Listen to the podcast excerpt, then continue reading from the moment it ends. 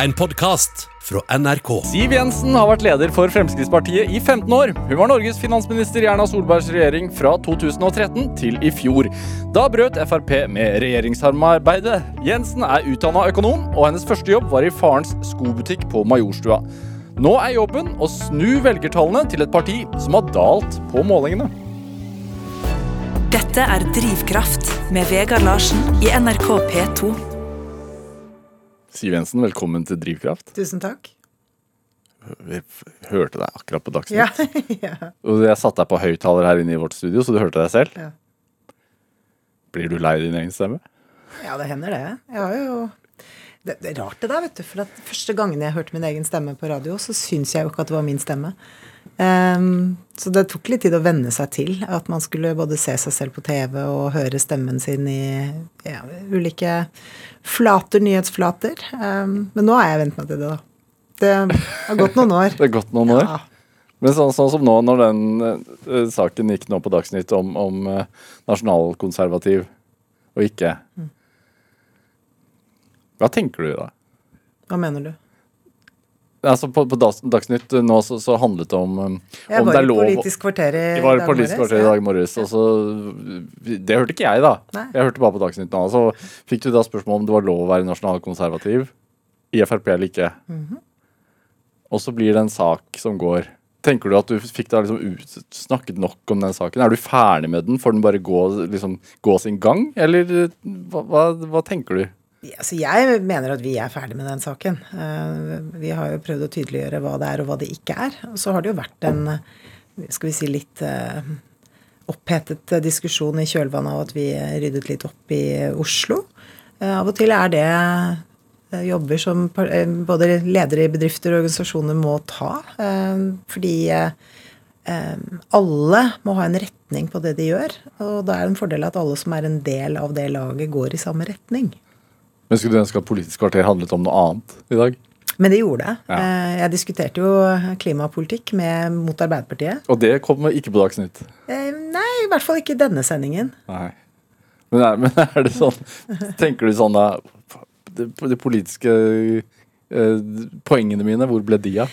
Jeg syns jeg fikk de godt frem i Politisk kvarter i dag. Ja. Eh, Poenget der var jo å få synliggjort at jeg syns Arbeiderpartiet eh, for, forlater sitt gamle ståsted som et industriparti, når de nå overbyr eh, i klimapolitikken på en sånn måte at ja, Konsekvensen av det handler jo om å sende arbeidsplasser rett ut av landet, rett til Kina. I stedet for å passe på de arbeidsplassene vi har, og legge grunnlaget for at de kan vokse og gro og bli sterkere. Nå, nå er vi tilbake i Politisk kvarter. Ja, det var du som spurte. ja, det er min egen skyld. Ja. um, jeg jeg vil restarte litt, Siv Jensen. Hvordan har du det? Jeg har det bra. Ja.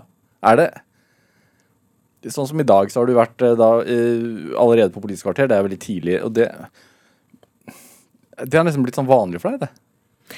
Jo, men altså Jeg er glad i å jobbe. Jeg liker å stå opp om morgenen. Hva, når står du opp? Nei, jeg står vel opp sånn eh, halv sju. Um, og så har jeg alltid, så lenge jeg kan huske, så har jeg hatt et sånn motto overfor meg selv. hvor jeg Eller ritualet, kanskje. Det er når jeg står opp og går på badet. Og så ser jeg på meg selv i speilet, og så sier jeg 'ny dag, nye muligheter'. Og det er ganske viktig, for det er liksom hvordan du griper an eh, dagen. Eh, Man kan jo velge ikke sant? å møte en ny dag med å trekke dyna over hodet og si at jeg vil ikke være, jeg vil ikke være med i dag. Eh, Eller man kan møte det med litt sånn pågangsmot og optimisme og tenke at eh, i stedet for å se utfordringer og problemer, så skal man lete etter eh, muligheter og løsninger. Men du gjør, du gjør dette Ja, jeg gjør det. For jeg tror jo faktisk på at det du, det du eh, tenker over inni deg, og måten du på en måte jobber med din, ditt mentale på, påvirker veldig humør og atferd og Jeg tror disse tingene henger sammen, jeg, skjønner du. Så hvis man så det- Har det sammenheng med sånn at hvis man øh, trener veldig hardt, da, og smiler mens man gjør det, så er det ikke så tungt? Jo, det tror jeg. Nei, men det er ikke det. Er ikke det men det er jo litt den der at Hvis jeg liksom kjenner at uff, nå er jeg litt fysen, og uff, kanskje det er noe forkjølelse på gang og sånn, så kan jeg godt forsterke den tanken og, og, og mal- sant, drive den frem. Eller så kan man gjøre det motsatte og si nei da. Jeg er bare litt sliten. Kom kom deg ut og gå deg en tur, og så går det over. mange sånne sykedager har du hatt? Ja, det er ikke mange. Hva tror du? Nei, det tror jeg kan telle på altså gjennom alle årene. Så, nei, det er ikke mange.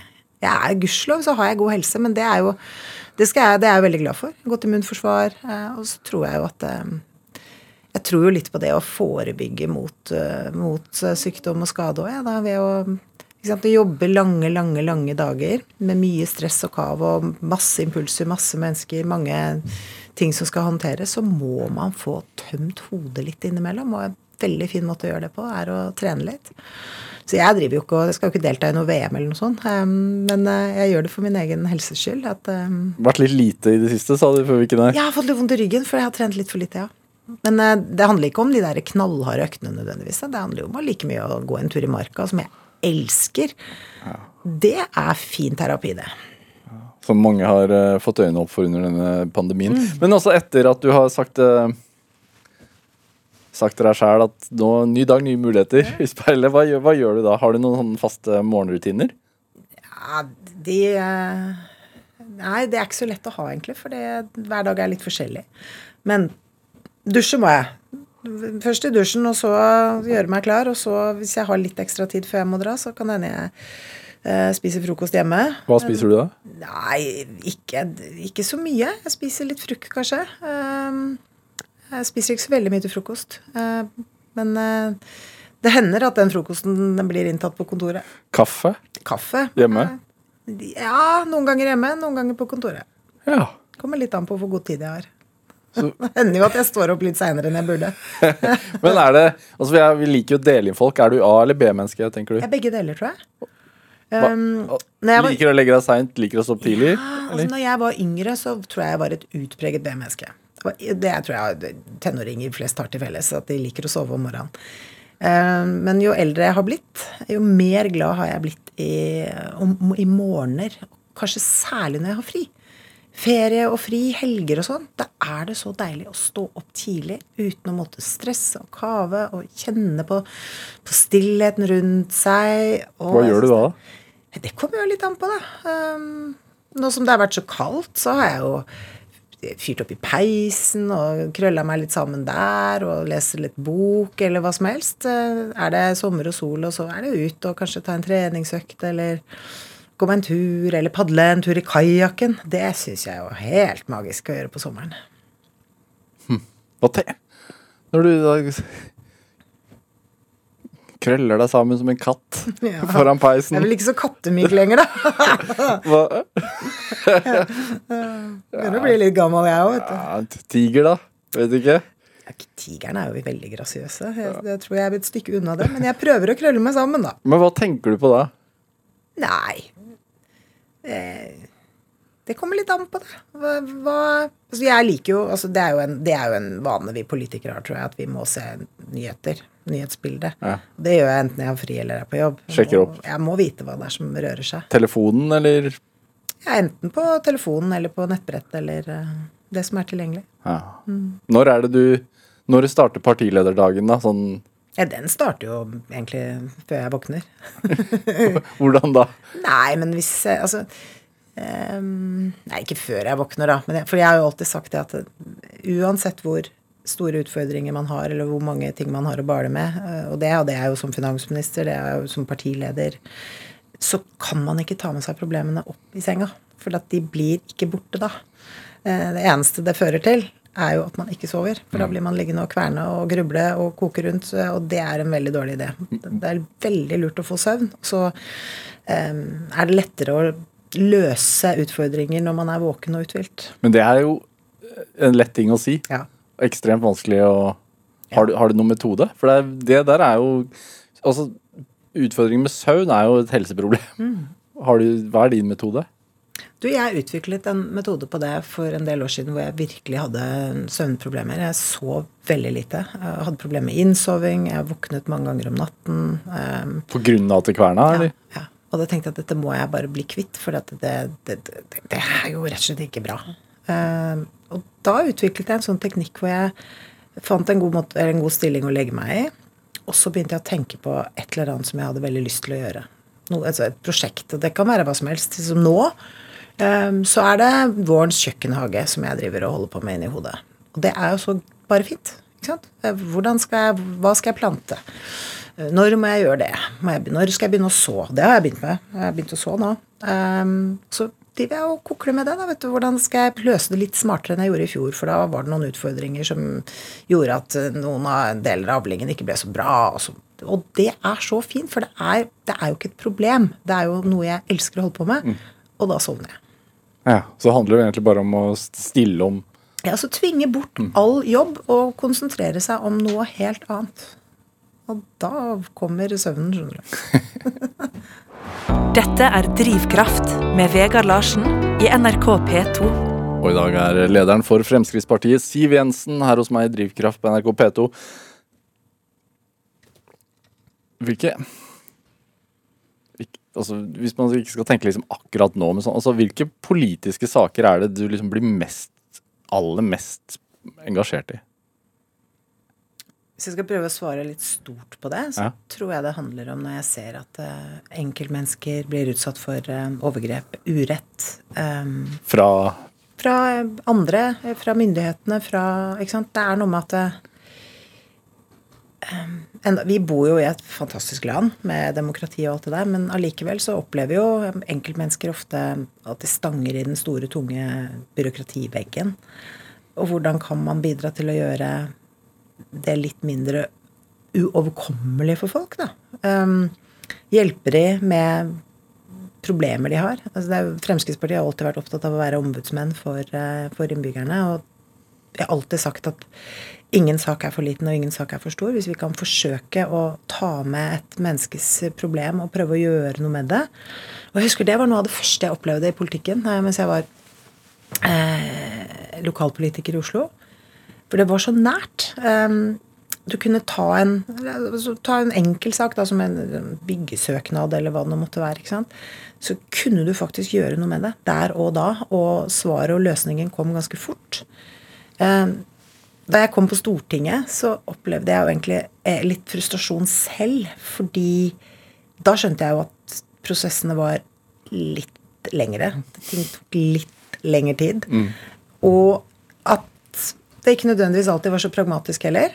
Um, um, så den frustrasjonen kjente jeg på en del i min tidlige, tidlige karriere som stortingspolitiker. At det var litt tyngre prosesser, da. Men like fullt så blir jeg så glad hver gang jeg føler at jeg har gjort en forskjell um, i andre menneskers liv. For det er jo derfor jeg er politiker. Hvorfor er det, hvorfor er det ønsket så sterkt? Jeg tror det kommer fra barndommen. Eh, og fra veldig mye av det moren min har gitt meg av verdier, da. Hva, hvordan vil du beskrive de verdiene? Ja, de er jo det er mange. Um, hun har f.eks. et slagord eller et, som hun alltid sier, og det er at alle mennesker eh, trenger applaus. Og det syns jeg er ganske godt sagt. jo, men det er litt sånn at du skal se menneskene rundt deg.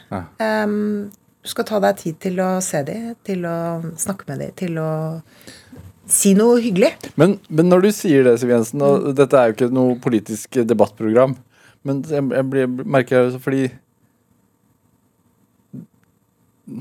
Man kan jo lett si at ja, det er fint det du sier, men man føler ikke helt at det stemmer fordi For det er så mange dere ikke vil hjelpe, er jo ofte det man tenker om Frp. Ja, men det er ikke riktig. Men spør, det er jo, altså jeg tror alle politikere, da, uansett farge og hvilken side av politikken de befinner seg på, så tror jeg jo at man engasjerer seg fordi man ønsker å gjøre en forskjell. Ja. Eh, det tror jeg alle politikere har til felles. Så har vi litt ulike virkemidler for å nå målene. Der eh, ja, Rødt tenker, hvis jeg skal sette det litt på spissen, da, så tenker de at eh, jo mer av lønna di vi kan ta inn i form av skatter og avgifter, jo bedre er det, for da kan vi, vi bestemme hva som er bra for deg. De mener helt sikkert at det er veldig lurt. Jeg er jo helt uenig.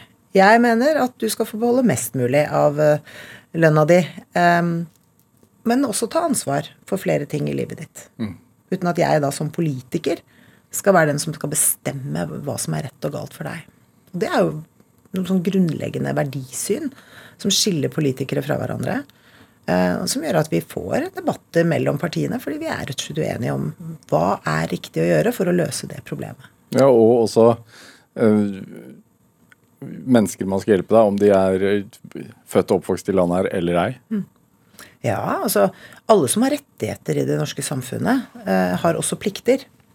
Eh, og det er jo av og til sånn at når man skal hjelpe noen, så kan det hende at det ikke nødvendigvis bare handler om eh, å gi ytelser. Det handler om å hjelpe de til å hjelpe seg selv også. Stille krav.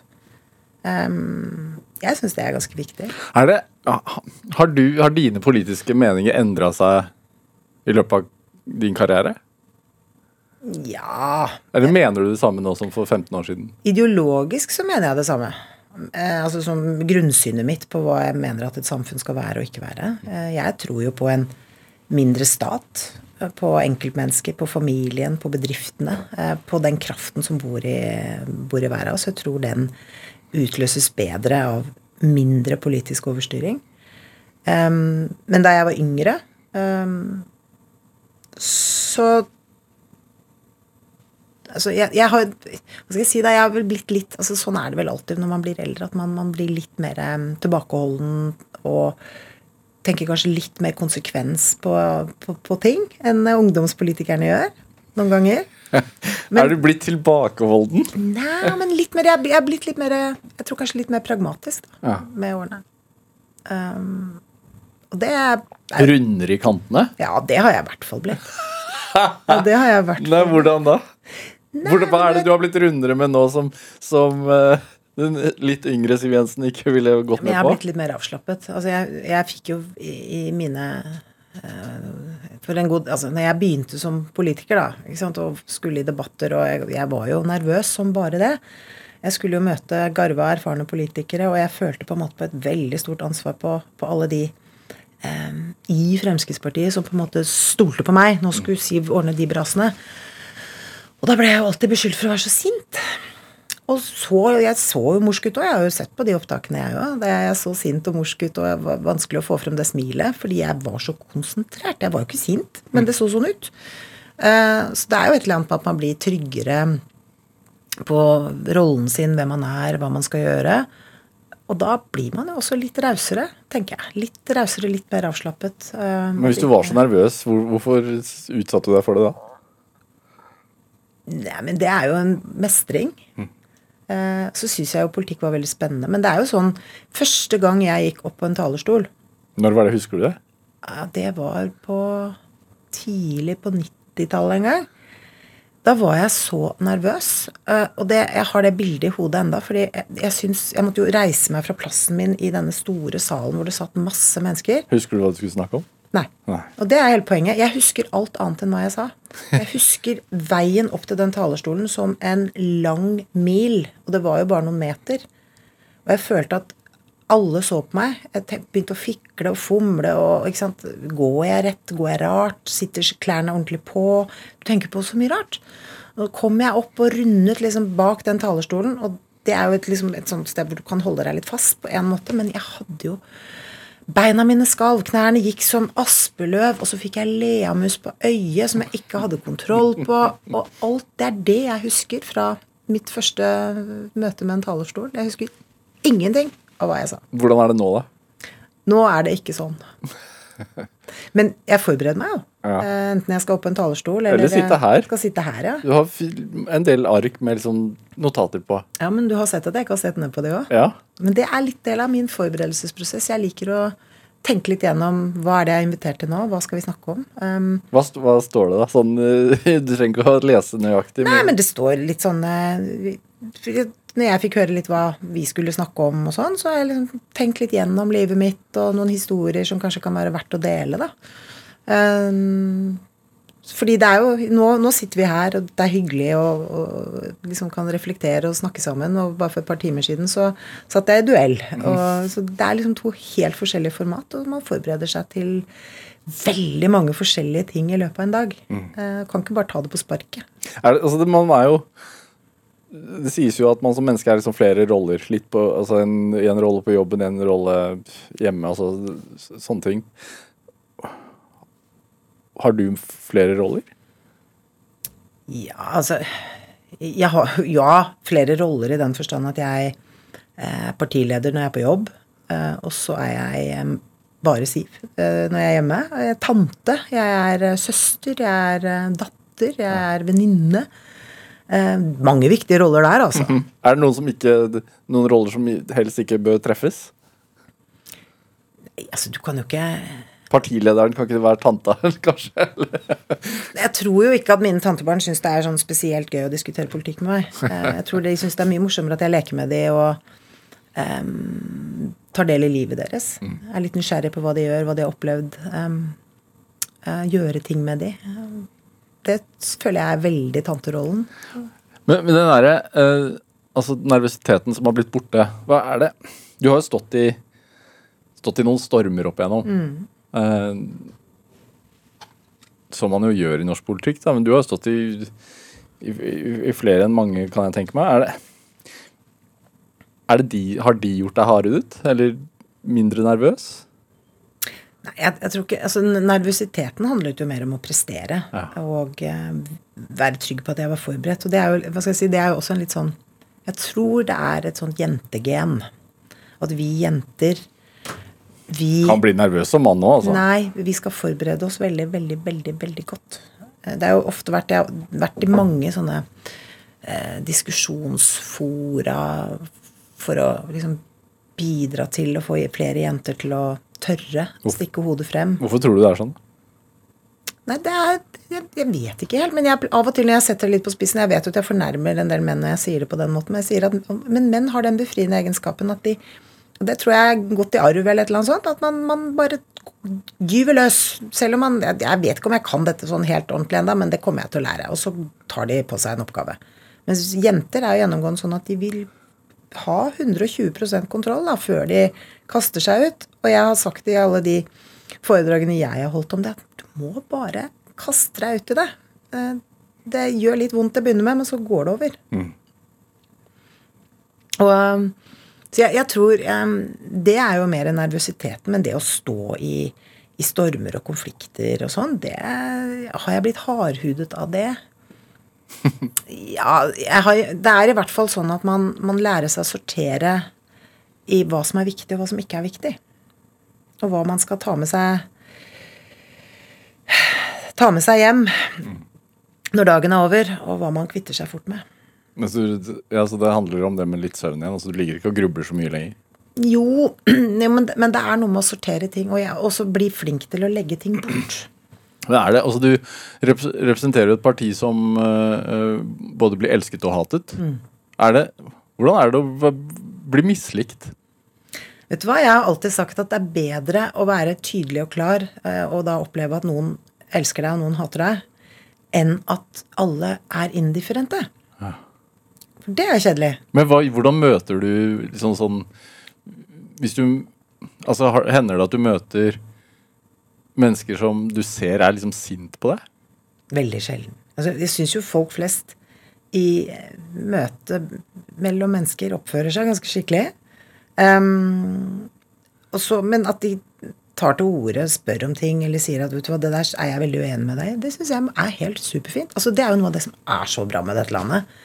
At vi kan som borgere i Norge møte på våre politikere, enten de er statsministre eller stortingsrepresentanter eller lokalpolitikere. Du kan møte dem på gaten, og du kan stoppe, og du kan prate med dem. Gjør du det? Ja, selvfølgelig gjør jeg det. Og jeg syns det er helt fantastisk. Altså, tenk i de i land og regimer hvor det er helt utenkelig. Hvor innbyggerne aldri har sett eh, sin statsleder, eh, nærmest. Jeg vil ikke bo i et sånt land, jeg. Jeg vil bo i et land hvor um, avstanden mellom oss er liten. Tenker du Hva ville du gjort hvis ikke du var eh, leder i Frp? Og det spørsmålet har jeg fått mange ganger. Ja, Hva svarer du da? Nei, vet du, Jeg er ikke skrudd sammen sånn. Um, jo, men er det ikke noen ganger Det er vel noen ganger du tenker sånn Ja, det Nei, fordi det er nå engang sånn at jeg er all in i det jeg gjør.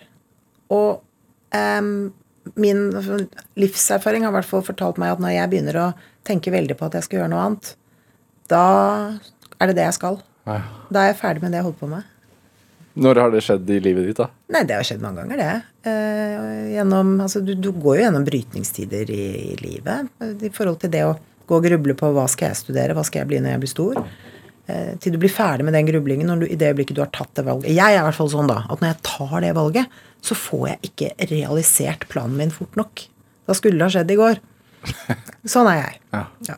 Er det Når man har et Altså, du begynner jo å ha hatt, få, få et lite liv i politikken. Er det Føler du at man altså, føler du at du har ofra noe for Frp og politikk? Ja, altså, først og fremst så føler jeg jo eh, at, jeg har vært veldig privilegert som har fått lov å jobbe med eh, hobbyen min. Det er det ikke alle som kan. Ehm, men med de omkostningene det har, selvfølgelig. Fordi det er jo ikke noen 9-4-jobb. Du har den med deg hele tiden. eh, Døgnet rundt, uka igjennom, i ferier og på fritiden. Men det blir en livsstil. Og da må man lære seg å sortere litt i ting. Og som jeg var innom i stad, legge bort ting eh, når man har muligheten til å eh, gjøre noe helt annet. Og da er det sånn ta en tur i marka. Pludre i grønnsakshagen, leke med nevøene, padle kajakk. Og da driver ikke jeg med politikk. Da, jeg, da er det helt andre ting som går i hodet mitt. Men sånn som nå i år, da, når det er stortingsvalg. Må ha ferie nå òg. Ja. Ja. Må det. Lade batteriene. Vi er jo ikke maskiner. sant? Vi må, vi Du må få inntrykk av det noen ganger. Nei, men det er jo akkurat det vi ikke er. Eh, Og vi blir eh, Altså, politikere er jo som folk flest. Vi blir lei oss. Vi har følelser og Glemmer man det litt? tror kanskje Nei, jeg vet ikke. Folk flest skjønner jo det, men av og til når du ser liksom den litt sånn harde Kanskje særlig nettdebattene, mm. syns jeg jo har blitt ganske ville. Altså kommentarfeltene på nettet? Ja. Og ganske ufine noen ganger, både mot eh, I alle fløyer? Alle får sitt. Ja. Og noen ganger så syns jeg det er så fælt. Og jeg, at jeg, så tenker jeg, hva, hva får Er det sånn er, Har vi Får vi på et sånt annet filter, da, når vi sitter bak PC-en vår og klamrer løs? Eh, jeg, altså, en gang så var det jo sånn at hvis vi skulle ytre oss, så sendte vi inn et lesebrev til um, Side i VG, eller hva det het. Men da var det en prosess. Sant? Du måtte først skrive det. Og så skulle du gå i postkassen og sant, kjøpe frimerke og legge det Og du fikk tenkt deg litt om, så kanskje du sto opp neste dag og tenkte Nei, det var kanskje ikke så lurt at jeg skulle sende det. Nå er jo det, den mekanismen borte. Men går du inn og leser, altså? Noen ganger tror jeg det. Du gjør det? Ja. Men det er mest for å liksom, se hva det er som rører seg. Jeg, blir jo ikke, jeg kan jo ikke jeg kan ikke um, ta inn alt som står der, for det er jo Og noen ganger så lurer jeg på hva får folk til å skrive sånt og si sånt om andre mennesker. Um, men det er også alle de som også der tar til motmæle og sier slutt med det der. Det var jo ufint, og det var jo ikke nødvendig. Og bidrar jo til en bra debatt. Og jeg må si jeg er jo gjennomgående kjempeglad for at vi har møteplasser hvor folk kan debattere uten sensur. Um, for en politiker som er hva skal vi si um, opplevd mange ganger å bli klippet i filler. Altså Man gjør et intervju i forkant, og så skal det sendes etterpå, og så kjenner du egentlig ikke igjen intervjuet når det kommer, kommer på TV. Eller eh, Så er jeg veldig glad i direktesendinger, for da blir jeg ikke klippet. Og det er jo litt det nettet er. Det er nesten en direktesending hele tiden hvor ingen blir klippet. Men alle har et ansvar for um, ytringene sine. Ja, det er det, da. Ja. For det er en del som virker som de glemmer det ansvaret. Hender. Ja. Siv Jensen, når, når er du på ditt mest lykkelige? Oi, det er, for et spørsmål å stille. Det er mange ting som gjør meg lykkelig. Um, jeg blir lykkelig når um, vi får til uh, politiske satsinger som vi har planlagt at vi skal få til. Men jeg blir også minst like lykkelig når jeg kommer og møter uh, f.eks. Uh, et av tantebarna mine og kjenner på den um, kjærligheten og gleden og lykken og bare slippe alt bort. Og gå inn i det. Ja, det er så fint. Dette er Drivkraft med Vegard Larsen i NRK P2. Og I dag er eh, lederen for Fremskrittspartiet, Siv Jensen, her hos meg i Drivkraft på NRK P2.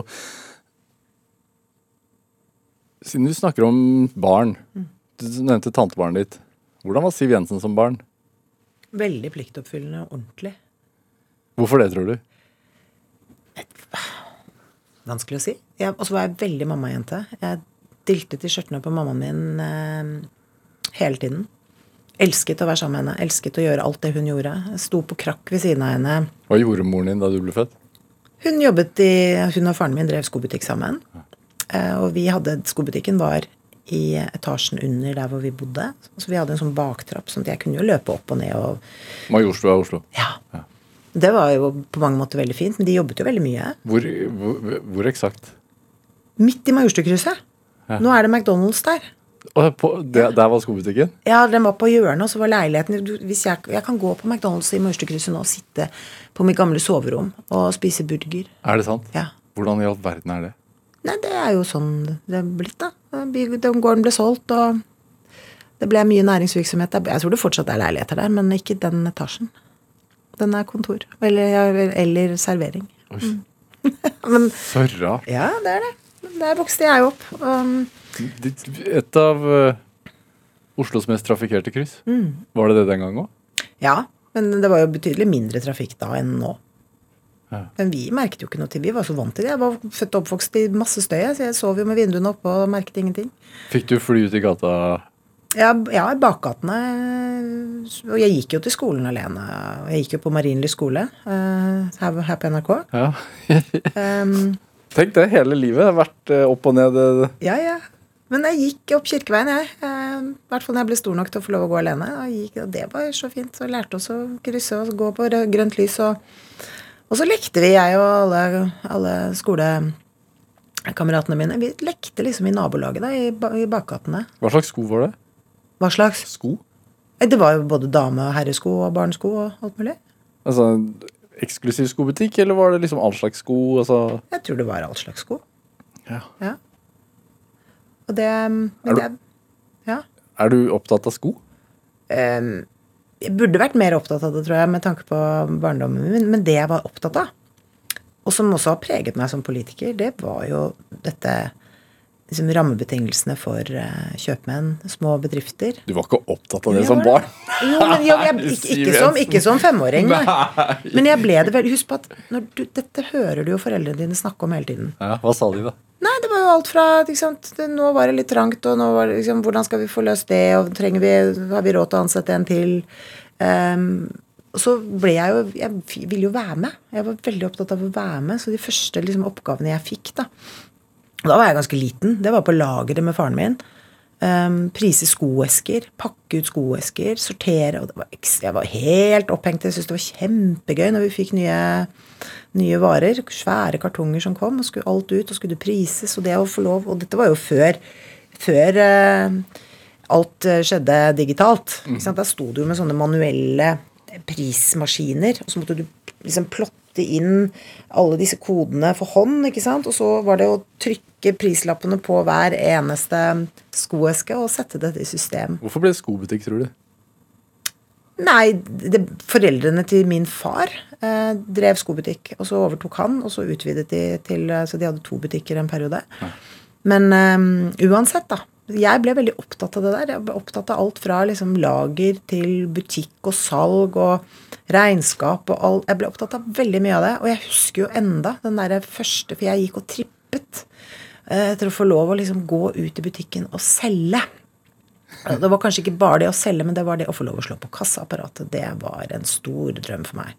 Så første gangen jeg kunne gå bak der og trykke på det kassaapparatet, og da måtte du også fylle ut for hånd sånn Paragon, ikke sant? Å, det var stas. Å, jeg husker jeg, var, sto der med den fineste skjønnskriften og syntes det, jeg var så stolt. Jeg syntes det var et stort øyeblikk i livet. Men så bodde dere i etasjen over? Ja. Skobutikken. Ja. Hvordan var det hjemme hos eh, Jensen, da? Veldig hyggelig. Masse Mye sosialt. Mye mennesker som kom og gikk. eh, Og veldig mye skokartonger. Um, eh, For det var ikke alltid vi hadde nok plass på lageret. Eller av og til bare flom. Så det var sko overalt? Ja, skoesker og skokartonger. Men altså, masse folk. Og det var jo også et sånn trygg oppvekst. Um, mamma og pappa var alltid sånn veldig opptatt av at vi skulle invitere venner hjem. Um, um, og selv en dag i dag. Sant? Altså, de nærmeste vennene til meg, mine søsken, har jo et veldig nært forhold til min mor. Um, nettopp fordi hun ja, hun inkluderte de veldig i, i vårt familieliv. da. Ja. Uh, og det var jo en veldig fin, trygg måte å vokse opp på. Jeg fikk liksom mye frihet, men mye ansvar. Og fikk, var ikke noe å skjule. Hvorfor, var hun opptatt, hvorfor var hun opptatt av det, tror du? Nei, det var jo for å, det var en smart måte å ha litt bedre kontroll på en uh, uh, ung jente som skulle ut og oppleve livet, da. Eh, så det var jo ikke alltid jeg ville være hjemme heller. Jeg måtte jo ut og gjøre mitt og bli, oppleve ting. Men eh, da hadde jeg fått med meg mye ballast, ikke sant, fra eh, måten hun tenkte på, eller foreldrene mine oppdro oss på. Jeg kjente på det som veldig trygt og fint. Fikk lov, jeg turte liksom å utforske, men innenfor de grensene hun hadde satt. Og jeg visste at det ble konsekvenser hvis jeg ikke, hvis jeg ikke um, overholdt avtalen. Hva slags konsekvenser, da? Nei, husarrest, f.eks. Du ikke fikk det? Jeg har hatt det, ja. Du har hatt det? Men lærte hva, hvorfor? Hva, hva utløste husarresten? At jeg ikke kom hjem når jeg skulle, f.eks. Det er jo dumt. Så lærer, bare lærer man fort. Det, man skal gjøre som man blir enig om. har du hatt husarrest? Jeg har blitt truet med det. men Ja, Jeg kan, kan ikke huske at jeg har hatt det. Nei? Kanskje kan være, men jeg, jeg Eller at jeg fikk litt mindre lommepenger, eller ikke fikk lommepenger, f.eks. Ja, Ja. det er nesten ha, bedre, det. Nesten. ja. Jeg bruker sikkert andre virkemidler i dag, hva vet jeg. Men eh, det funka på meg. Ja, hva, men, eh, diskuterte dere politikk? Nei. Ikke? Nei, men Vi diskuterte ikke partipolitikk som sådan. altså Samfunnsdiskusjon hadde vi nok. Ja. Hva tror du at moren eller faren din sitt syn på samfunnet har smittet over på deg? Ja. Hva, hva slags? Det, det har jo veldig mye med dette med å skape, eh, og at man må tjene penger før man kan bruke dem. Eh, Og som, som jeg sier, jeg ble jo veldig tidlig opptatt av at eh, det å drive verdiskaping? Det har sine sider, sine utfordringer. Være arbeidsgiver. Hvordan merket han utfordringene? Mm. Hva slags utfordringer var det? Mange, men mange av de Jeg tror ikke jeg fanget opp heller alt det, annet enn at jeg skjønte, jeg skjønte at de gikk og kjente på et veldig stort ansvar. Og så ble jeg mer og mer opptatt av det og forsto på en måte den verdien det har da, å skape arbeidsplasser, eh, og at du har et ansvar. Og så ble jeg da mer og mer opptatt av det. Liksom, når jeg ble større, da skjønte jeg jo at å ja, de der skatter og, skatter og avgifter, det er ikke bare bare Var de sinte på skatt, skattene og avgiftene hjemme? Å ja. De italienske skoene? De aller fleste bedriftsledere er nok opptatt av det, tror jeg. Ja. Husker du, det, husker du om det ble sagt noe, eller er det Nei, men det var jo masse diskusjoner om ulike, ulike ting som rørte seg i samfunnet. Men liksom, jeg har liksom, vet ikke, jeg har alltid vært opptatt av det der med litt sånn rettferdighetssans. Um, jeg um, Hva er rettferdighet, sånn du ser det? det, det er jo flere ting. Det ene er jo at man, altså, alle har like muligheter i et samfunn, og så må det være lov å lykkes og lov å ikke lykkes òg. så handler det jo om å prøve å unngå å bli utsatt for overgrep, f.eks. Um, ja. Men jeg mener ikke at rettferdighet er at alle skal være helt like, for det er ikke mulig.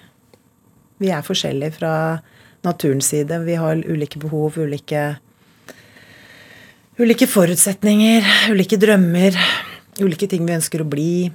Hva ønsket du å bli, da? Og jeg ønsket å bli veldig mye opp gjennom årene. Men når jeg først liksom ja, Det kom til det punktet at jeg ville ta en økonomutdanning. Eh, da var jeg blitt ganske stor. Men før det så var jeg jo Alt som var nært nesetippen i begynnelsen. Jeg, jeg hadde lyst til å jobbe i godtebutikk, jeg hadde lyst til å jobbe i dyrebutikk. jeg hadde lyst til å... Butikk. Ja, mye butikk en stund. Og så, så ble man jo opptatt av litt mer ting etter hvert. Men eh, jeg bestemte meg ganske tidlig for at jeg ville utdanne meg til økonom, og det gjorde jeg. Da du ble finansminister, tenkte du at styrer jeg en svær butikk? Jeg tror du noe av det første jeg sa da jeg kom inn i Finansdepartementet på min første dag som finansminister, det var at um, for eksempel, du er jo omringet av et stort embetsverk. Mange flinke mennesker. Så jeg sa at jeg kommer nok ikke her for å konkurrere med dere om um, økonomisk teori. Jeg kommer hit for å være politiker. Ikke sant? Er, de hjelper deg og rådgir deg på regnestykker og beregninger og kvalitetssikringer og alt mulig, men de, de, liksom de politiske valgene eh, var det jo jeg som skulle ta, eller i hvert fall anbefale regjeringen å ta. Um, og da handler det om å egentlig å utfordre et embetsverk på å si gjør, Når de sa at nei, dette er ikke mulig, så sier jeg jo gjør det umulige mulig. Det er min jobb som politiker. Å be om det. Ja, og, og finne veier til å løse det. Ja. Får, så er det opp til de å få, få, få ut fingeren. Nei, ikke, det er ikke så enkelt, men, men, men det er noe med å liksom skjønne rollen sin. Mm. jeg var ikke finansminister først og fremst for å være fagøkonom. Jeg var der som politiker. Um, da skal du, du skal ta beslutningene, skjære igjennom masse vanskelige avveininger. Um, og noen ganger veldig krevende. sant? Um, det er ikke det er, eh, mye som skal tas eh, stilling til. Um, og så får du ikke alt til å gå opp, fordi du kan ikke få til alt. Og da må du prioritere. Er det greit å tenke også at man kan faktisk ikke få til alt? Ja. Man kan jo ikke det. I hvert fall ikke på én gang. Man kan kanskje få til mye eh, av alt, men eh, ikke, ikke på én gang. Dette er Drivkraft med Vegard Larsen i NRK P2. Og i dag er lederen for Fremskrittspartiet, Siv Jensen, her hos meg i Drivkraft på NRK P2. Når var det du skjønte at du likte politikk, da? Du gikk fra du, skulle drive godtebutikk til å skulle drive politisk Det rare er at jeg hadde jo aldri tenkt å bli politiker. Det var ikke på radaren min engang. Eh, Så jeg kom egentlig inn i politikken litt ved en tilfeldighet. Eh, Faktisk gjennom moren min. Hun var på et sånt politisk møte Hvor? i, i Fremskrittspartiet. Ja. Og så eh, Het ikke det da? Eller het det Fremskrittspartiet Ja, ja, ja, også? ja. Men så var jeg veldig lett å lure, fordi at jeg hadde akkurat fått sertifikat. Eh, Så hun sa Dealen var jo at jeg kunne låne bilen eh, hvis jeg kjørte henne dit hun skulle kjøres og hentes og alt mulig. Og det var jo det var ikke noe problem. Så jeg kom og hentet henne på et politisk møte, og så tok, ble jeg invitert inn. Og så liksom begynte vi å snakke litt, og så utfordret de meg på noen liksom, Husker jeg ikke akkurat hva det var, da, men det var liksom noen, noen ulike problemstillinger som jeg hadde veldig masse meninger om, merket jeg. Og mye engasjement. Og så husker jeg at de sa til meg det at du kan jo ikke ha så mange meninger, og så ikke bruke det til noe. Og så meldte jeg meg inn. Hvorfor gikk moren din på det møtet, tror du? Jeg tror det var mange grunner til. Både at hun kanskje hadde behov for å eh, gjøre noe mer i livet sitt. Um, Kjeda seg litt. Men hun Hennes karriere som politiker var mye kortere enn min. Hvor kort? Nei, den var ikke så lang, men, eh, men eh, det var at hun prøvde litt sånn Er dette noe for meg? Eh, Politisk så står hun jo Altså, hun er jo Hun er jo Heier veldig på meg, har gjort det i alle år. Men eh, hun, hun sier jo veldig ofte at 'jeg hadde aldri klart det der'. 'Jeg hadde ikke klart å styre temperamentet mitt sånn som du gjør'. Man får inntrykk av at uh, du og søsteren din er veldig uenig. Ja, altså Vi er enige om veldig mye, og så er vi uenige om uh, veldig mye også. Men var det et hjem der det var Ja, Men du vet, når vi var små eller Kunne jeg- du vært medlem av Rødt, og så hadde det vært greit hos moren din? Ja, det tror jeg. Ja. Det tror jeg. Men eh, jeg tror mamma respekterer de valgene, og har alltid gjort det, de valgene barna hennes tar. Men hun utfordrer oss jo på at liksom, Har du tenkt igjennom dette? Og det mener jeg er sunt, at man må gi en refleksjon da, over eh, et eller annet veivalg man tar. Um, men vi er liksom forskjellige, valgt litt forskjellige ting. Eh, forskjellig utdanning. Eh, men mest av alt så er vi en veldig sammensveiset familie. Vi er, veldig, altså, vi er mye sammen. Hvordan har det blitt sånn, tror du? Jeg tror det har eh, mye å gjøre med foreldre og oppvekst og barndom. eh, Med den nærheten at vi var alltid sammen, gjorde ting sammen. Og så, så har jeg alltid sagt at liksom, venner er noe du velger, familie er noe du får. Men når familien din da plutselig etter eget valg også blir dine beste venner, så er det jo ikke noe som er bedre. Eh, For det er jo de tryggeste menneskene du har. De kjenner deg på godt og vondt. Eh, Du er trygg. Eh, I hvert fall hvis du vokser opp i en ordentlig familie. Det er jo nok av de som opplever noe annet. Men, men for meg så var det liksom Når du er så trygg, og i tillegg så kan du ha så mye glede med, med familien din, så er jo det Jeg er veldig glad for det, men man må jo investere i det selv. Det kommer jo ikke av seg selv. Jeg må og, som, aktivt velge eh, å bruke fritiden min med familien. Men det er jo ikke noe offer. Det er jo snarere tvert imot det jeg søker til. Men eh, moren og faren din skilte seg? Ja, når jeg var ganske ung. Hvordan er det da for en person som setter Det, det gikk Det var egentlig ikke så Så det gikk seg veldig fort til. Men det har jo litt med dem å gjøre òg. At vi gikk fritt inn og ut av eh, begge deres hjem. Eh, de klarte å ha en god dialog og en kommunikasjon på et vis som gjorde at vi ikke merket så mye til det. Um, og etter hvert så gikk det jo over. Jeg husker jo så Faren min hadde jo vært gift en gang før. Og, så jeg har jo tre halvsøstre også. Uh, og vi ble litt sånn storfamilie til slutt, hvor eh, pappa med sine to ekskoner og seks barn eh, hadde familiesamlinger og hadde det kjempehyggelig. Mm. Og det er fint. Er, har du, altså er det sånn at det eh, var en periode jeg hørte at du snakket med moren din to ganger om dagen på telefonen. Jeg snakker mye med moren min. Ja. Rådfører deg, eller hva så? Nei, jeg bare må vite at hun har det bra. Ja. Jeg er veldig glad i henne. Så begynner hun jo å bli en voksen dame. Hvordan er det for deg?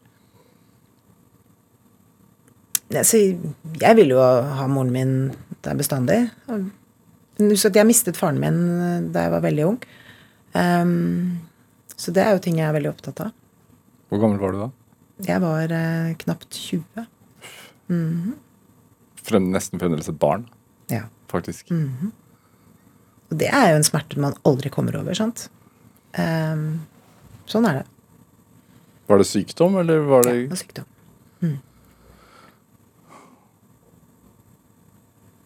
Men det gjør jo enda mer med familieverdier. Man skal ta vare på de man har eh, mens de er der, for du vet aldri når, eh, når de blir borte. Mm. Søsteren min mistet jo mannen sin. Eh, helt uvirkelig greie. Og når du ser en så ung, kjekk fyr bare i løpet av så kort tid forvitre og forsvinne fra oss, så forteller det jo meg at man må leve mens man altså Det blir sånn forslitt floskel, men jeg mener det veldig. Man vet ikke når ens tid er ute. Eh, en ting er jo liksom man tror at man skal leve til man ja, nesten evig. ikke sant? Man skal leve lenge og alt det der. Og så er det ikke alltid det blir sånn.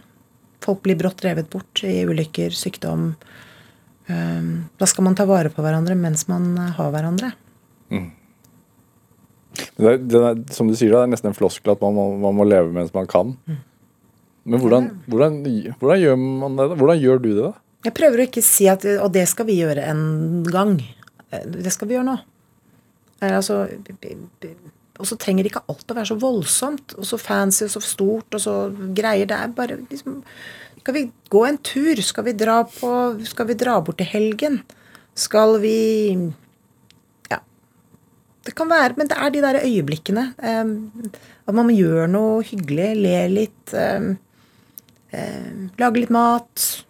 Altså, det spiller nesten ingen rolle. Man skal bruke de mulighetene mens de er der. For hvis ikke så, så Og jeg har jo tenkt på det en del ganger når jeg har ikke kunnet stille på en eller annen familiesamling eller, liksom, fordi jobben måtte gå foran. Mm.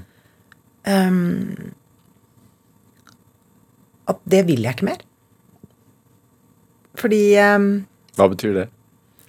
At jeg er blitt veldig hard på å prioritere og legge til rette for det. Altså fordi jeg vil ikke gå glipp av flere sånne øyeblikk. Fordi til syvende og sist er det det som er mest verdt? Ja.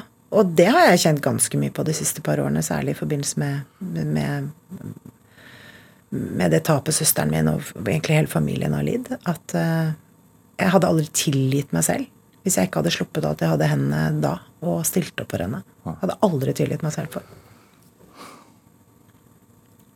Men hvordan prioritere det når man er da partileder og ønsker regjeringsmakt? Er jeg skal love deg det ikke er noe vanskelig. Når du står i en, noe som oppleves som en så stor krise, det er ikke noe vanskelig. For da blir Da blir alt annet veldig lite. Og veldig lite viktig.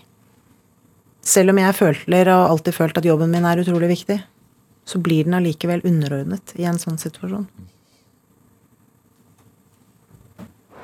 Dette er Drivkraft med Vegard Larsen i NRK P2.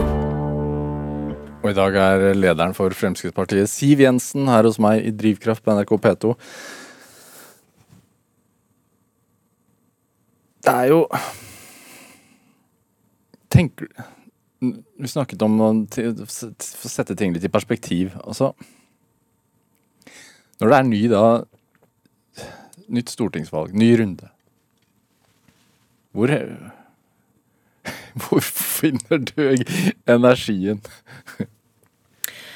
Jeg har alltid sagt um, at ikke sant? Fordi at det å være partileder, politiker, det er en livsstil. Ja. Altså, det er det for å være politiker. Det må ikke være partileder for det. altså. Um, og da må man kjenne på en sånn ehm, ordentlig gjennomgående motivasjon. Stiller du deg selv et motivasjonsspørsmål oh, ja, ja, ja. ofte? Ja. Hva, hva, Jo, men hvis jeg ikke gjør det, så gjør jeg meg selv en bjørntjeneste og partiet mitt en bjørntjeneste. hvordan merker du Hvordan kontrollerer du egen motivasjon da? For det er jo det er, lett, det er lett å si til seg selv sånn Nei, jeg er motivert for dette her. Nei, men du, det kjenner du jo. Ja. Det kjenner du. Det, det, det hjelper ikke å si til seg selv, det må du kjenne på. Har det vært ganger du har Ja, selvfølgelig. Altså, det har jo vært ikke, ikke altså, dager. Det har vært eksempel, som jeg tenkte åh, nei, og ikke nå igjen, eller åh, sant. Det er klart den, den følelsen kommer, men det er hvis den vedvarer. Har du vurdert å gi deg noen gang? Med politikk? Nei, ikke frem til nå. Men nå gjør du det. Nei, men altså, nå er jeg her. Ikke sant? Jeg, du spurte om jeg hadde vurdert, og det har jeg ikke gjort. Men, men jeg har jo hele tiden Og jeg skylder meg selv det, og jeg skylder partiet mitt det, for at de fortjener min fulle oppmerksomhet og dedikasjon da, ja. til den jobben. Eh, og Derfor er det viktig å kjenne på det. Så én ting er det er de enkeltdagene hvor du bare tenker Nei, å guff, nå vil jeg drikke ikke sant? Nå vil jeg ikke, ikke, ikke være med i dag. Eh, men det er liksom Det opplever jo alle, uansett hva slags jobb de har. Ja. Men det er hvis den følelsen blir varig, da har man en utfordring. Hvordan er følelsen i 2021, da? Jo, men det er jo ikke sant, 2020 ble jo også et veldig annerledes år for oss. ikke sant, Etter å liksom, Vi satt eh, seks og et halvt år i regjering eh, med alt det innebar. Det er jo et stort ansvar. Eh, mye, og det ble mye slitasje på oss alle sammen, på hele partiet. Eh, og så gikk vi ut av regjering. Eh, fordi vi kom til et punkt hvor vi følte at nå ble politikken for grå og kjedelig. Det ble for mange kompromisser. Vi måtte være med på for mange ting vi ikke likte. Og da er det liksom bedre å si at nå er det nok. Eh, For, for, for Fremskrittspartiet så har jo regjeringsansvar vært et virkemiddel til å gjennomføre politikk, ikke en jobb i seg selv. Og da var det riktig å forlate. Men jeg syns jo vi var maks uheldige, da, når vi først liksom skulle prøve å finne oss til rette i en ny rolle. eh, Og fri oss fra eh, det samarbeidet vi hadde vært en del av. Og så treffer jo denne koronapandemien oss med all kraft. Og det er klart det har vært krevende for innbyggerne i dette landet, og det er det fortsatt. Handler det litt om da å glemme uenigheter og bare Ja, i de første månedene når den traff, så var jo partipolitikken eh, død et periode. Altså, fordi vi, det eneste vi gjorde, var jo på en måte å legge til rette for raske beslutninger for å redde eh, jobbene til folk, rett og slett. Men um, Er det litt, unnskyld at jeg avbryter deg, men er det litt deilig da å føle på at man glemmer litt uenigheter og bare Ok, nå må vi fikse dette her alle sammen. ja, det er deilig en stakket stund, holdt jeg på å si. Jo, men ikke sant, det er jo fordi at det er, det er Kunne ikke vært sånn hele tiden. Jo, da hadde vi ikke hatt så mange partier. Det er kunstig å tro at man over tid kan få så bred enighet om så mye. Og det varte jo ikke veldig lenge heller før nyansene kom frem, og det, sånn skal det være. Men jeg tenker jo nå at selv om det fortsatt er masse utfordringer med denne pandemien, eh, økonomisk for mange, sosialt for mange, mentalt for mange, så tror jeg jo at mange begynner å bli litt sultefòret på litt sånn normale nyheter, da. At ikke hver nyhetssending fra begynnelse til slutt utelukkende skal handle om en eller annen greie med, med pandemi. Jeg tror folk må få påfyll av noe annet òg. Hvis Frp får uh, rent flertall da, på valget nå, Åh, det hadde vært fint. ja, hvor, og, og også neste valg, rent flertall da, hvordan hadde Norge sett ut om ti år, tror du? Så da hadde man sett igjen mye mer av det som er Fremskrittspartiets eh, partiprogram. Vannskutere over hele Nei, men Det er jo den karikerte Ja, det jo det. Men det, dette handler jo om frihet for enkeltmennesket. Det handler om at vi hadde ryddet bort masse tullete byråkrati. Vi hadde fått bort en del eh, avgifter som vi mener er helt meningsløse. Vi hadde um, sørget for at norsk eldreomsorg så helt annerledes ut enn den gjør nå. Altså Det må jeg si, det er et område som kommer til å bli politikernes mare fremover. Mange flere eldre mennesker som har rett på, krav på, god og verdig omsorg. Jeg skjønner ikke hvordan man skal få til det når parti etter parti nå kappes om å gjøre eldreomsorgen til et offentlig monopol. Hvor vi som borgere ikke får lov å velge. Ikke velge hva vi skal spise, når vi skal legge oss, hvilket sykehjem vi skal være på. Jeg mener det er overgrep jeg, mot eh, mennesker som har levd et langt liv og tatt egne beslutninger. Um, Føler du litt ekstra på det siden du har en mor som jeg har alltid vært, alltid vært engasjert i det. Og det er et eller annet med at jeg Helt siden jeg var liten, så har jeg hatt så stor respekt for eldre mennesker. Um, og også kjent på at de, liksom, de er sårbare. Og kanskje ekstra sårbare hvis ikke de har pårørende òg. Siv Jensen, hva tenker du er din drivkraft? Altså, jeg har mange, mange krefter i meg som driver meg fremover. Men det er jo den derre En kombinasjon av rettferdighetssansen min og at jeg alltid har liksom tenkt at jeg kan gjøre en forskjell. Men det trenger ikke nødvendigvis være politikken heller. Altså, det kan være Det å gjøre en forskjell, det handler om å rekke ut en hånd til andre mennesker. Hjelpe, stille opp, være der. Når venninnene mine har et problem, så skal de, skal de ringe meg. Er du lett å ringe til, tror du? Ja. Det er det. Gir det deg glede? Det gir meg veldig stor glede å kunne stille opp for eh, de jeg bryr meg om. Eh, og så er det jo den gjensidigheten i det at jeg vet at de stiller opp for meg. Siv Jensen, det får være siste ord. Tusen takk for at du kom hit til Drivkraft. Takk for at jeg fikk komme. Du har hørt en podkast fra NRK. Hør flere podkaster og din favorittkanal i appen NRK Radio.